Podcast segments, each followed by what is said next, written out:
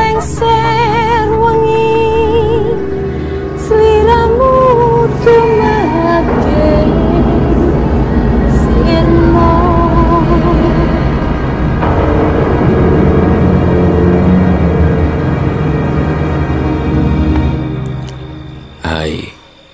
selamat datang di cerita horor ruang imajinasi. Sebuah kisah nyata yang mungkin kita pernah alami. Ya, dengan gua, Renjan. Dan selamat datang di cerita horor malam Jumat.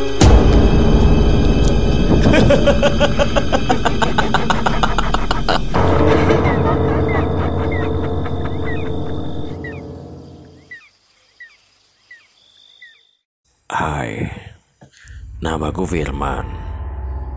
Aku adalah seorang siswa yang bersekolah di SMA Negeri 5 Kota Bandung. Rumahku terletak tidak begitu jauh dari sekolah yang berada di daerah Saparua.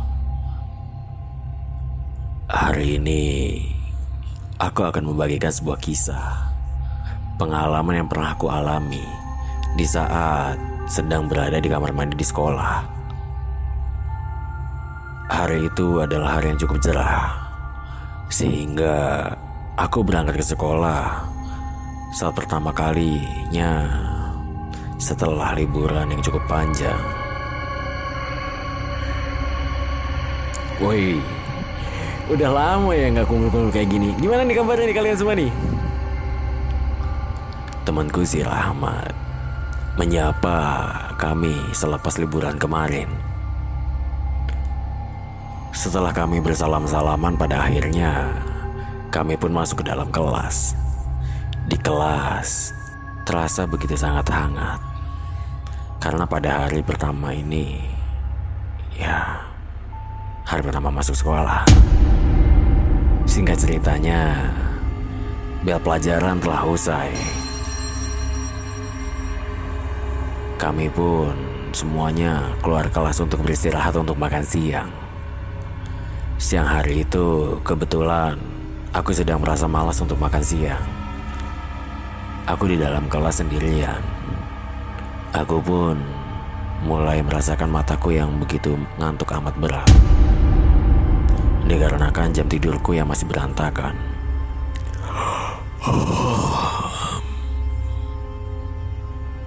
Tak lama kemudian, aku memilih untuk tidur sejenak sebelum melanjutkan pelajaran ke selanjutnya.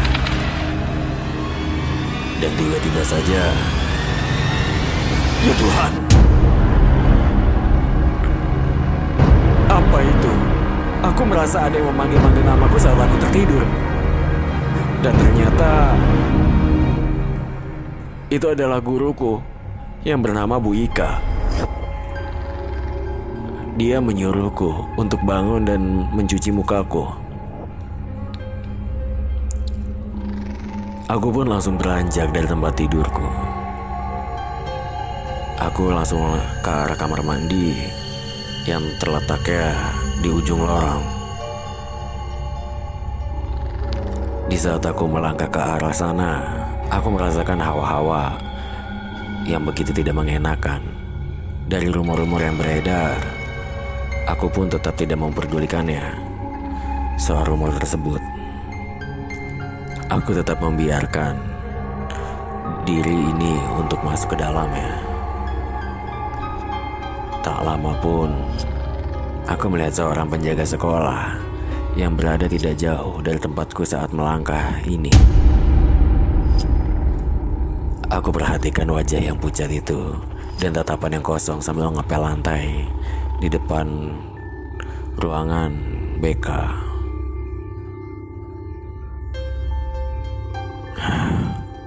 Seperti orang tidak ada semangat hidupnya amat sih. Aku berbicara dalam hatiku. Aku pun tetap tidak menghiraukannya. Aku pun langsung mencuci mukaku dan saat aku dan saat itu aku merasa perutku sakit Dikarenakan aku tidak tahu sarapan tadi pagi yang aku makan adalah makanan yang sudah expired. Aduh, mules banget lagi. Sialan. Gara-gara minum susu tadi nih. Ah.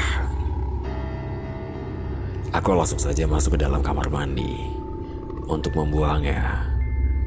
Di saat aku membuang air tersebut, aku melihat ada bunga dan beras kuning dan puntung rokok di sana.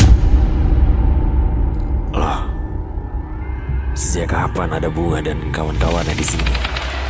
Aku pun mulai merasakan merinding dan ya Tuhan, aku mulai merasakan ada sesuatu yang menyentuhku dari belakang. Setelah aku melihat ke belakang, akan tetapi tidak ada apa-apa. Aku pun langsung buru-buru membersihkan. Dan saat aku hendak memakai celanaku dan tiba-tiba saja, ya Tuhan, apa itu? Aku melihat sesosok bayangan putih yang berada tepat di atas kepalaku. Dan di saat aku hendak membuka pintu kamar mandinya, ah, kenapa lagi ini gak bisa dibuka?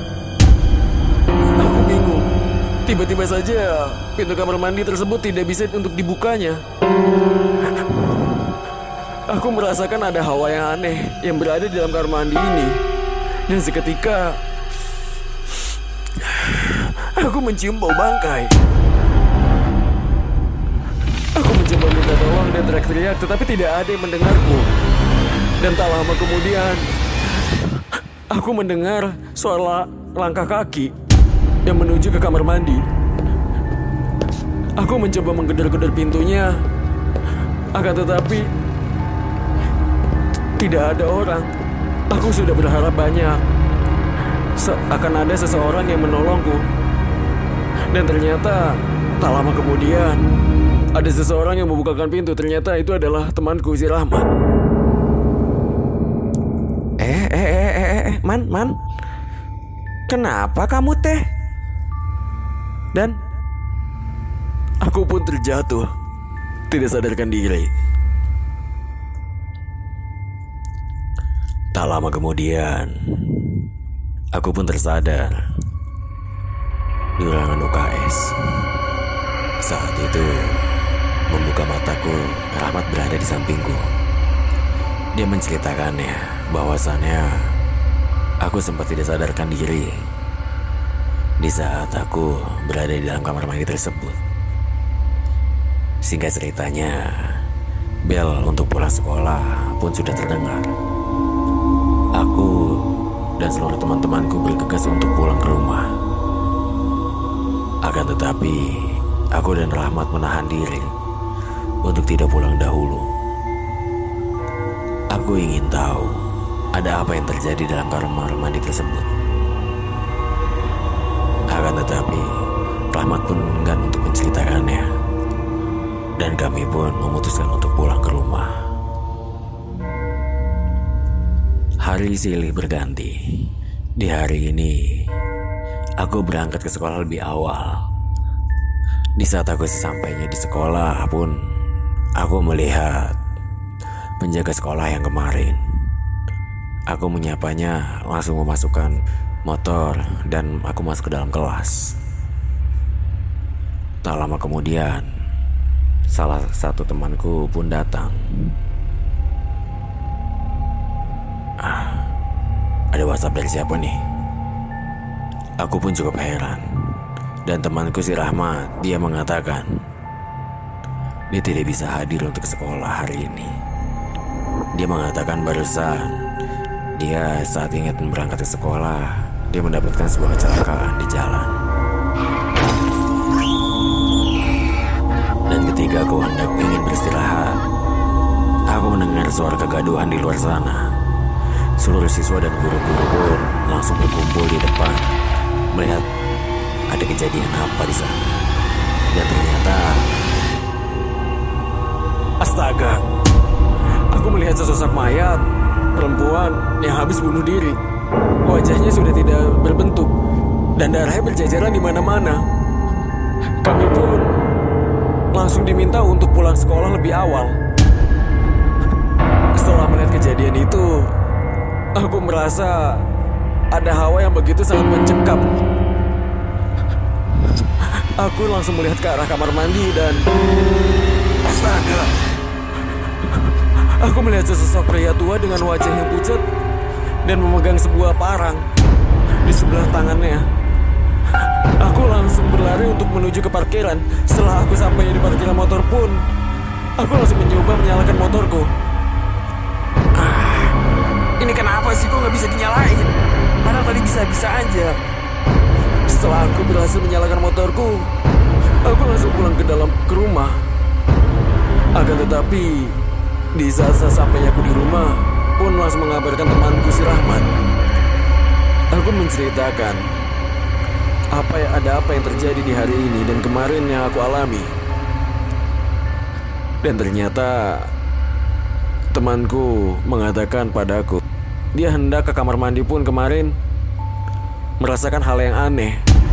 Akan tetapi, dia memberanikan diri untuk masuk setelah mendengar suara gedoran pintu yang begitu amat keras. Dia pun mengatakan lagi kepadaku, dia melihat sesosok pria yang sama seperti kulihat dengan wajah yang pucat dengan dipenuhi darah di sekujur tubuhnya. Dan aku mengiyakannya. Dan aku mengatakan kepadanya, hari ini aku banyak melihat kejadian-kejadian yang aneh. Dan di saat aku tidur semalam, aku bermimpi aneh. Aku seakan-akan mendengar sebisikan seorang wanita yang akan bunuh diri di hari ini. Dan ternyata kejadian tersebut begitu terasa amat nyata. Keesokan harinya pun, aku mencoba menjenguk Rahmat. Akhirnya, dia telah pulih setelah musibah kemarin. Kami pun berbincang dan saling bertukar pikiran soal kejadian yang pernah kita alami kemarin-kemarin. Ya, kejadian yang begitu sangat mengganjal. Aku akan berpesan kepada kalian semua. Kalian tak akan pernah untuk sendirian.